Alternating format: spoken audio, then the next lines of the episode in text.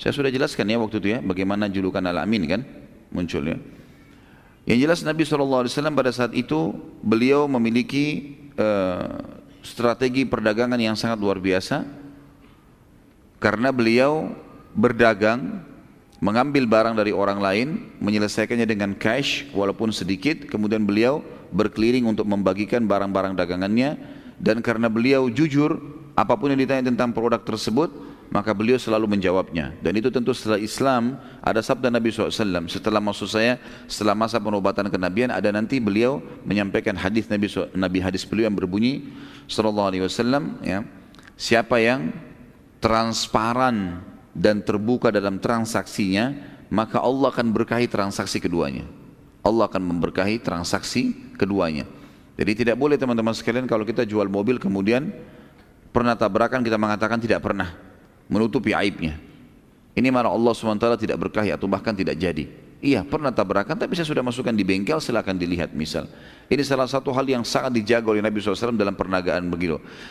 Perniagaan beliau sehingga hanya terkenal sekali dengan dengan keberhasilan dalam berdagang dan dipercaya oleh orang lain. Pokoknya setiap Nabi SAW bawa barang tidak ada lagi orang yang meragukan masalah itu. Semuanya tinggal langsung membeli dari Nabi SAW. Karena apa pun yang ditanya benar. Bahkan kalau ditanya, hai Muhammad ini kualitasnya bagaimana? Oh kalau yang ini lebih baik. Oh kalau kualitas dagangannya si fulan lebih baik. Kalau saya punya nomor duanya atau nomor tiganya atau lebih di bawah daripada itu. Yang jelas disampaikan apa adanya. Maka orang pun suka berinteraksi dengan Nabi Sallallahu Alaihi Wasallam. Pada saat itu teman-teman sekalian, banyak orang akhirnya menambahkan modal. Seperti kita tahu kalau ada orang jujur, biasanya orang datang kepada dia. Kau butuh modal berapa? Bagaimana cara kerjasama karena orang yang terkenal dengan kejujurannya. Maka banyak pedagang-pedagang Mekah yang datang kemudian menawarkan kepada Nabi SAW untuk menitipkan modal mereka. Mulailah Nabi SAW bertambah modalnya, kemudian melakukan hal yang sama. Nabi SAW dengan transparan, semua kelebihan produk, adapun kekurangannya disebutkan. Seperti ini dan seperti itu. Jadi orang jadi tambah ramai membelanjakan barang Nabi SAW. Akhirnya beliau terfikir untuk mengekspansi bisnisnya keluar dari Mekah pada saat itu karena beliau menganggap Mekah sudah cukup dikuasain oleh beliau maka beliau sallallahu alaihi wasallam dan melihat modal yang sangat banyak coba mengekspansi keluar Mekah. Selama ini beliau selalu ambil dari pedagang-pedagang Mekah saja yang besar-besar. Kalau kita mungkin pemilik-pemilik perusahaan besar sekarang. Sekarang Nabi SAW ingin mengembangkan lebih besar lagi ke eh, perusahaan-perusahaan lah kalau kita sekarang ya punya perusahaan sendiri. Maka Nabi SAW mengambil modal-modal tersebut kemudian mulai pergi ke negeri Syam dagang di negeri Syam. Ikuti orang-orang Quraisy. Orang-orang Quraisy bawa modal dari Mekah, beli barang negeri Syam, kembalikan lagi ke Mekah, gitu kan. Nanti barang dijual di Mekah. Tapi mereka pergi ke negeri Syam membawa uang saja, membawa uang, membawa emas. Mereka tidak bawa produk. Nabi SAW waktu itu mengatur satu strategi yang berbeda. Orang Mekah belum ada yang melakukannya. Semua modal beliau dibelikan produk-produk Mekah. Apa saja? Apa saja yang bisa dibawa dibeli oleh Nabi SAW. Semua uang itu, semua modal dijadikan benda. Kemudian beliau bawa ke negeri Syam, lalu beliau berdagang di negeri Syam, barang-barang Mekah itu. Orang-orang di negeri Syam tidak mengenal produk Mekah selama ini. Akhirnya dibelilah oleh orang Syam dan Nabi SAW mendapatkan keuntungan lalu dengan uang keuntungan itu beliau beli lagi barang dari negeri Syam dibawa ke Mekah sehingga double keuntungannya. Makin masyhurlah nama Nabi SAW akhirnya bergabunglah seorang wanita kaya Mekah Khadijah radhiyallahu anha pada saat itu tentunya belum masuk Islam belum ada Islam dan dikatakan dalam buku-buku sejarah, Khadijah ini teman-teman sekalian memiliki harta sendirian dia itu lebih banyak atau bahkan berimbang dengan hartanya seluruh pedagang Mekah. Saking kayanya gitu kan. Orang terkaya Mekah, hartanya Khadijah radhiyallahu sendiri digabung semua pedagang-pedagang Mekah hartanya itu baru sama dengan hartanya Khadijah. Bahkan Khadijah mungkin lebih banyak daripada itu. Khadijah pun akhirnya menitipkan hartanya kepada Nabi Shallallahu Alaihi Wasallam. Coba, ya, dan Khadijah ingin memastikan tentang kejujuran yang terkenal itu. Beliau menitipkan seseorang yang bernama Maisarah. Maisarah ini sahaya, hamba sahayanya beliau. Eh, kemudian menitipkan kepada Nabi Shallallahu Alaihi Wasallam. Maisarah selama perjalanan terkagum-kagum dengan Nabi SAW. Di antara yang membuat dia sangat kagum adalah beberapa fenomena alam yang terjadi dan bagaimana akhlaknya Nabi SAW. Di antaranya adalah perilaku Nabi Wasallam dengan Maisara beda sekali dengan perilaku siapa pun pada saat itu yang menjadi majikan atau tuan bagi seluruh sahaya. Kebanyakan mereka tuh kasar berkata-kata, suka perintah-perintah sembarangan, kadang-kadang sering dipukul, kadang-kadang marah sedikit nggak diberikan makan, gitu kan. Kemudian kalaupun ada keuntungan ada segala tidak pernah ada bagi, tidak ada sesuatu yang dikasih. Gitu. Maka berbeda sekali dengan Nabi SAW. Nabi kalau makan panggil Maisarah makan bersama-sama. Nabi SAW kalau istirahat panggil Maisarah istirahat di sebelahnya. Nabi SAW mengajak ngomong seperti temannya sendiri. Selalu saja begitu, dari pergi sampai pulang. Perjalanan dari Mekah ke negeri Syam sebulan. Gitu kan? Itu pun kalau menggunakan kuda yang tercepat. Kalau orang membawa kafilah dagangan lambat, bisa dua bulan perjalanan. Jadi selama dua bulan perjalanan, Nabi SAW selalu bermuamalah yang baik dengan dia. Pulang juga begitu. Kemudian fenomena alam yang terjadi adalah sepanjang jalan dia kaget melihat semuanya Ya, kafilah-kafilah di depan ada kelihatan di sana kelompok kafilah sekian puluh ekor unta di sana lagi kafilah banyak padang pasir yang sangat luas. Tapi kafilah Nabi SAW ini yang kebetulan itu cuma Nabi sendiri yang jaga beberapa ekor unta dengan maisara. Itu dinaungi oleh awan, dinaungi oleh awan. Tidak panas, padahal lagi terik sekali matahari. Kok bisa awan ini cuma ada di atas kafilah Nabi SAW? Itu maisara saksikan sendiri. Pada saat itu lagi terjadi dan sudah sampai di negeri Syam, kalau teman-teman masih ingat kisah Bahira, ya, pendeta yang pada saat melihat tanda kenabian Nabi SAW di umur 12 tahun itu, subhanallah dengan hikmah Allah, Nabi SAW pada saat itu umurnya sudah sekitar 24 tahun SAW, itu lewat di depan gereja yang sama. Gereja yang dulu dimiliki oleh Bahira, tapi Bahira sudah meninggal dunia. Dan banyak murid-muridnya Bahira situ, pendeta-pendeta yang lain yang sudah memang terbina oleh Bahira ini. Dan selalu diingatkan oleh Bahira, ingat ini masa keluarnya kenabian. Dan perhatikan baik-baik kafilah-kafilah Arab itu. Karena Nabi terakhir itu akan keluar dari kota Mekah sana. Ini kafilah-kafilah mereka yang sering bolak-balik, perhatikan baik-baik. Kalau ada kejadian-kejadian yang unik, maka pastikan apakah ada di antara mereka manusia yang sedang kita cari itu. Salah satu pimpinan pendeta pada saat itu melakukan hal yang Bahira sering lakukan. Setiap hari nongol di jendela uh, gereja ngelihat kafilah-kafilah yang lewat. Karena memang ini jalurnya mereka lewat. Gitu kan? Terkagetkan pendeta ini pada saat melihat kafilah Nabi Shallallahu Alaihi Wasallam. Ini kafilah satu-satunya yang cuma dua orang. Untanya banyak sekali tapi cuma dua orang.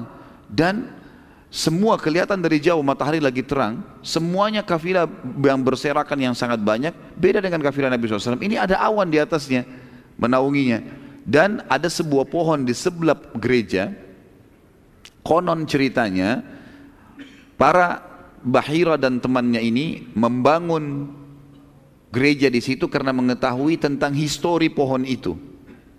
Histori pohon itu disebutkan dalam Injil, dinukil oleh para penginjil ini sebelum-sebelumnya, sebelum Nabi SAW diutus tentunya. Kalau ada pohon di situ, yang pohon ini mereka tahu semua nabi turun di situ.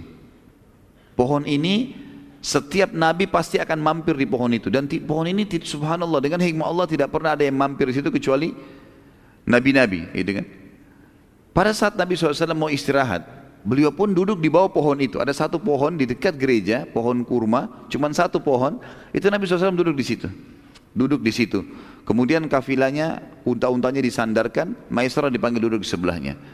Kejadian yang luar biasa pada saat itu disaksikan oleh kepala pendeta adalah pohon kurma itu tiba-tiba menunduk, ya, menunduk dan terlihat sekali sangat jelas, kemudian menutupi Nabi SAW dari panas. Maka dia pun penasaran dan dia berkata, ini mungkin salah satu tanda. Dia pun akhirnya keluar, kemudian coba melihat peluang kapan Nabi SAW berpisah dengan Maisarah. Maisarah sempat pamit sama Nabi SAW ingin mencari kalau kita mungkin tempat buang air gitu kan keluar. Maka oleh pendeta ini dikejar. Lalu dia berkata, Hai Fulan tunggu sebentar. Berhentilah Maisarah. Ditanya, kalian dari mana? Saya dari Mekah. Siapa yang bersamamu ini? Seseorang dari kota Mekah, tokoh Mekah yang bernama Muhammad dan dia punya kafilah dagang gitu kan.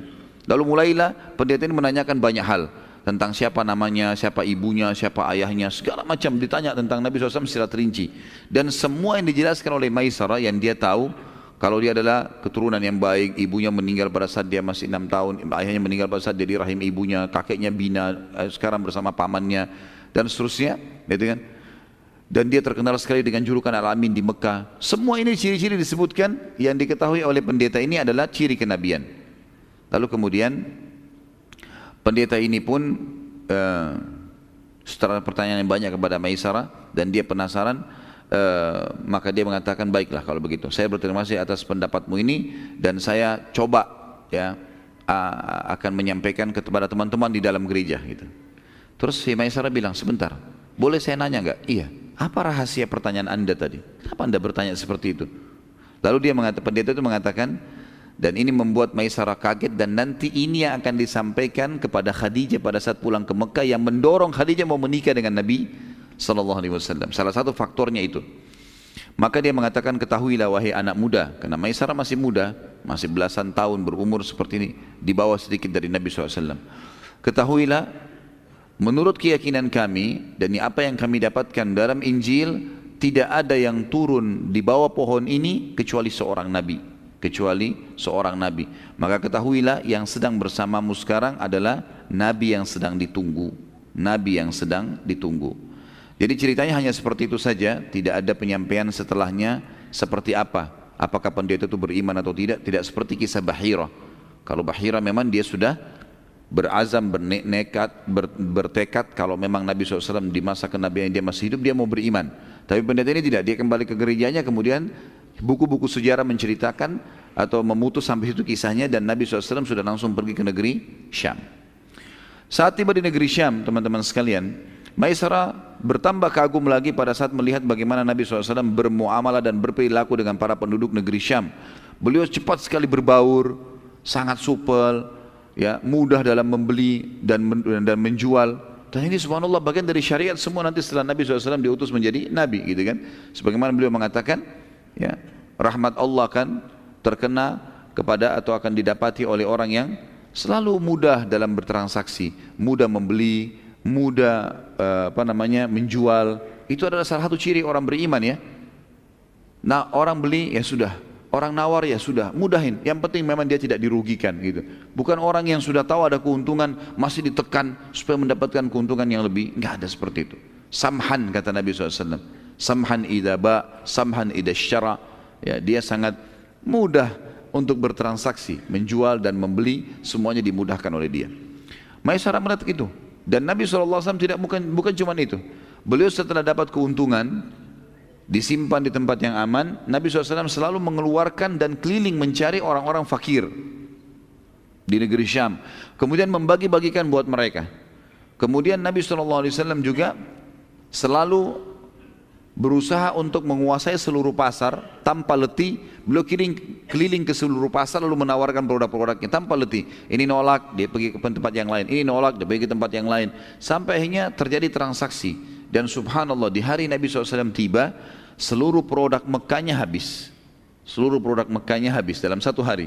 Karena Nabi SAW keliling, ya e, senyum dengan orang, ramah, mudah. Orang mentransaksi beli ini berapa sekian harganya, sekian saja ya sudah, gitu loh. Dimudahin sama beliau. Maka habis produknya pada hari itu, Sallallahu Alaihi Wasallam. Di hari kedua, beliau sudah bisa membeli barang dari negeri Syam. Dan pada saat beli, karena kemarin dia sangat supel dengan orang-orang sallallahu alaihi wasallam maka orang-orang pedagang-pedagang di pasar juga memudahkan dia pada saat transaksi jadi orang-orang Syam pun pada saat mengatakan Nabi SAW tawar kain ini berapa? Sekian. Baiklah bisa saya beli sekian? Nggak bisa. Silahkan ambil uangnya. Langsung saja. Maka di hari kedua saja Nabi SAW sudah berhasil membeli seluruh produk yang dibutuhkan dari orang uang yang ada. Sehingga kafilah Nabi SAW lebih dulu kembali ke Mekah. Dan ini tidak ter, tidak pernah terjadi dalam kafilah-kafilah Quraisy. Karena mereka selalu tinggal tinggal di negeri Syam lama. Mereka duduk-duduk dulu, mereka mabuk-mabuk, mereka bermain perempuan, mereka segala macam sudah menjadi tradisi jahiliyah. Kemudian nanti mereka sudah dua bulan, eh, apa, dua minggu, tiga minggu baru mereka balik ke Mekah, gitu kan? Jadi pelan-pelan mereka berdagang. Nabi SAW tidak cepat bekerja dan cepat juga menyelesaikannya, selesai mengeksekusinya. Pulanglah Nabi SAW bersama Maisarah menuju ke Mekah.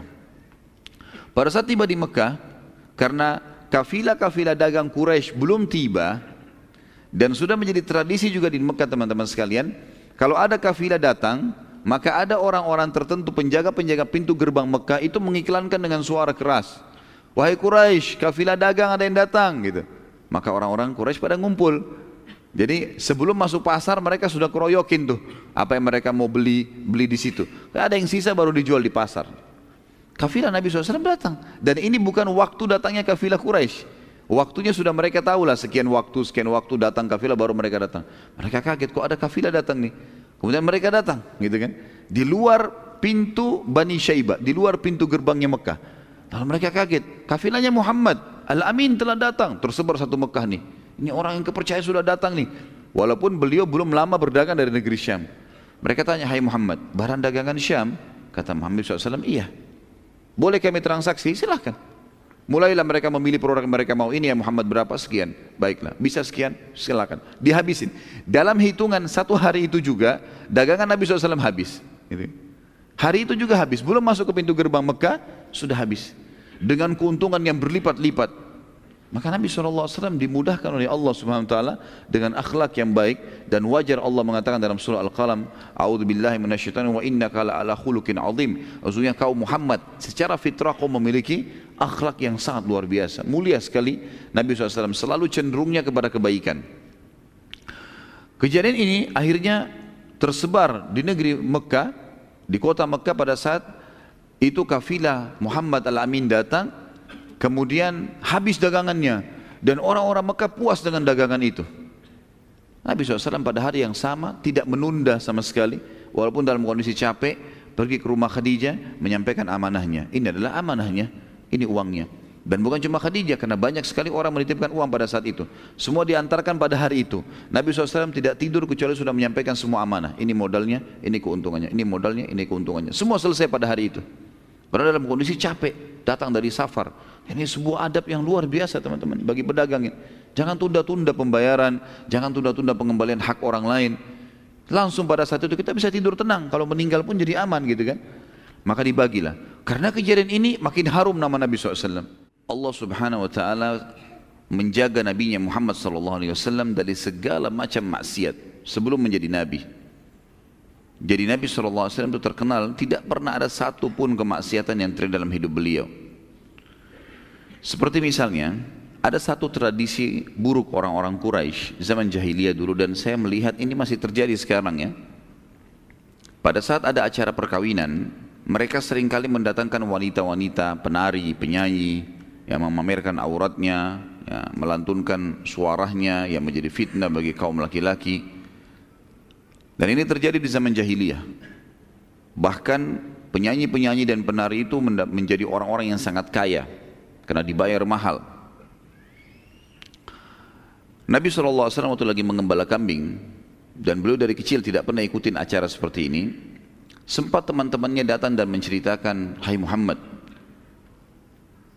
acara perkawinan di Mekah ini penuh dengan begini dan begitu. Makanan, minuman, dan terakhir disebutkan wanita-wanita yang menari-menari dan seterusnya. Kemudian Nabi SAW mengatakan, saya tidak pernah tahu itu dalam kehidupan saya. Tapi saya coba ingin mengetahui bagaimana keadaannya. Ini belum sebelum jadi nabi ya. Maka Nabi SAW pun berkata pada teman-temannya, maukah kalian bersedia untuk menjagakan gembalan saya ini dan saya ingin melihat apa yang sebenarnya kalian ceritakan itu. Bukan niatnya mau lihat wanita-wanita penari saja, tapi ingin mengetahui, bukan itu target, tapi ingin melihat secara umum acara ini.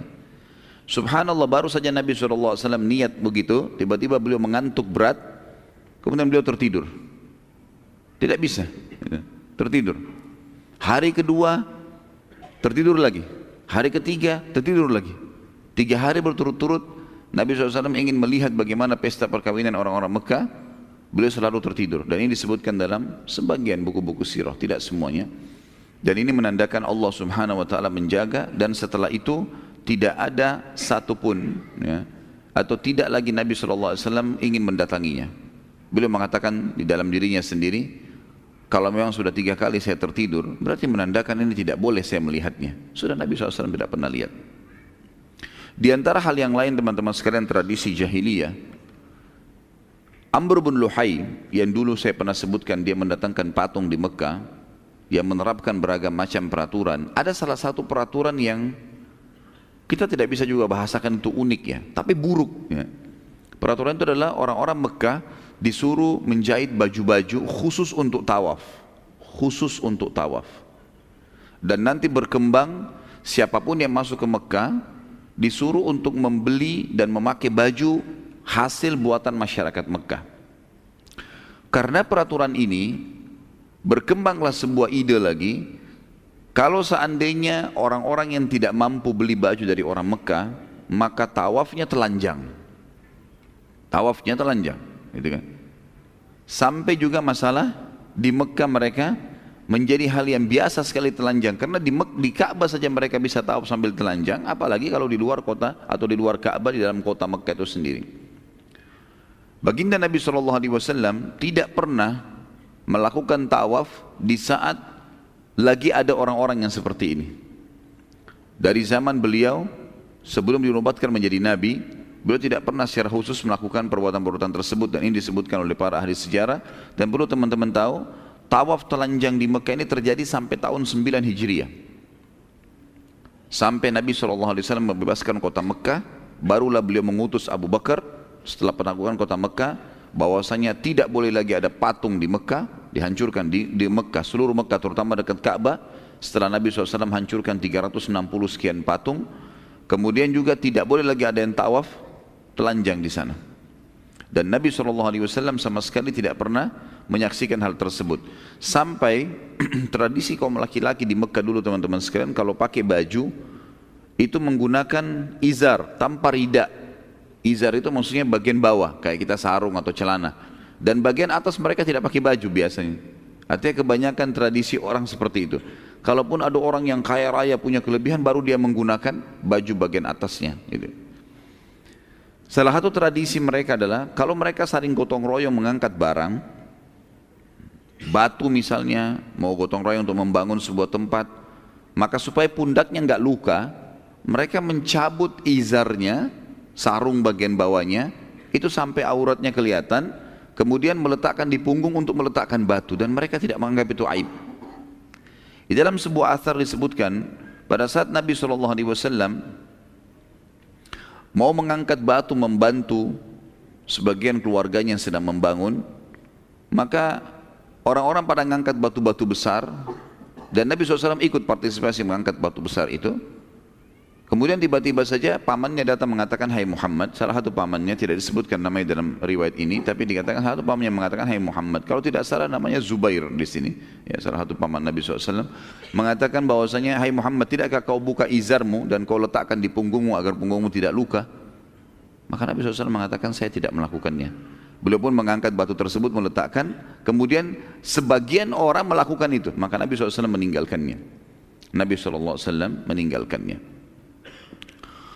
Kemudian yang terjadi juga sebelum masa kenabian teman-teman sekalian yang menandakan Allah Subhanahu wa taala menjaga nabinya Muhammad sallallahu alaihi wasallam adalah partisipasinya Nabi SAW di peperangan Fujar. Peperangan Fujar, ya. Dan ini tentu teman-teman harus kita rentet historinya ya. Dari zaman beliau masih kecil, bagaimana beliau hidup yatim, kemudian bagaimana beliau belajar kepemimpinan setelah dibina atau dididik oleh kakeknya Abdul Muttalib selama dua tahun dari enam tahun. Karena ibunya meninggal pada saat beliau SAW berumur 6 tahun. 6 tahun sampai 8 tahun pamannya eh, kakeknya Abdul Muttalib yang merupakan Raja Mekah pada saat itu atau yang merupakan pemimpin Mekah yang eh, Nabi SAW dibawa naungannya dan Nabi hadir di majelis-majelisnya dalam memecahkan perkara-perkara orang Mekah dilatih oleh Allah secara histori kehidupan untuk menjadi seorang pemimpin. Kemudian dibina oleh pamannya yang Abu Talib dari umur eh, 8 tahun tadi sampai menikah dengan Khadijah umur 25 tahun. Dan ada dua fase di situ fase pertama adalah mengembala kambing sampai umur 21 tahun 21 sampai 25 berdagang tapi di sini Abu Talib orang yang sangat miskin tidak punya harta yang banyak dan kalaupun ada hartanya dihabiskan untuk memberikan minum jemaah haji pada saat itu atau makanan jemaah haji maka yang terjadi karena suku dari Abdiddar sudah pernah kita sebutkan mereka e, berperan berperan mengurus e, hal-hal yang berhubungan dengan Mekah ini Nabi SAW belajar bagaimana menghadapi kehidupan yang susah pada saat itu. Jadi hidup dengan Abu Talib. Kemudian juga Nabi SAW dilatih oleh Allah untuk tidak berbuat kemaksiatan sebagaimana sudah saya sebutkan tadi.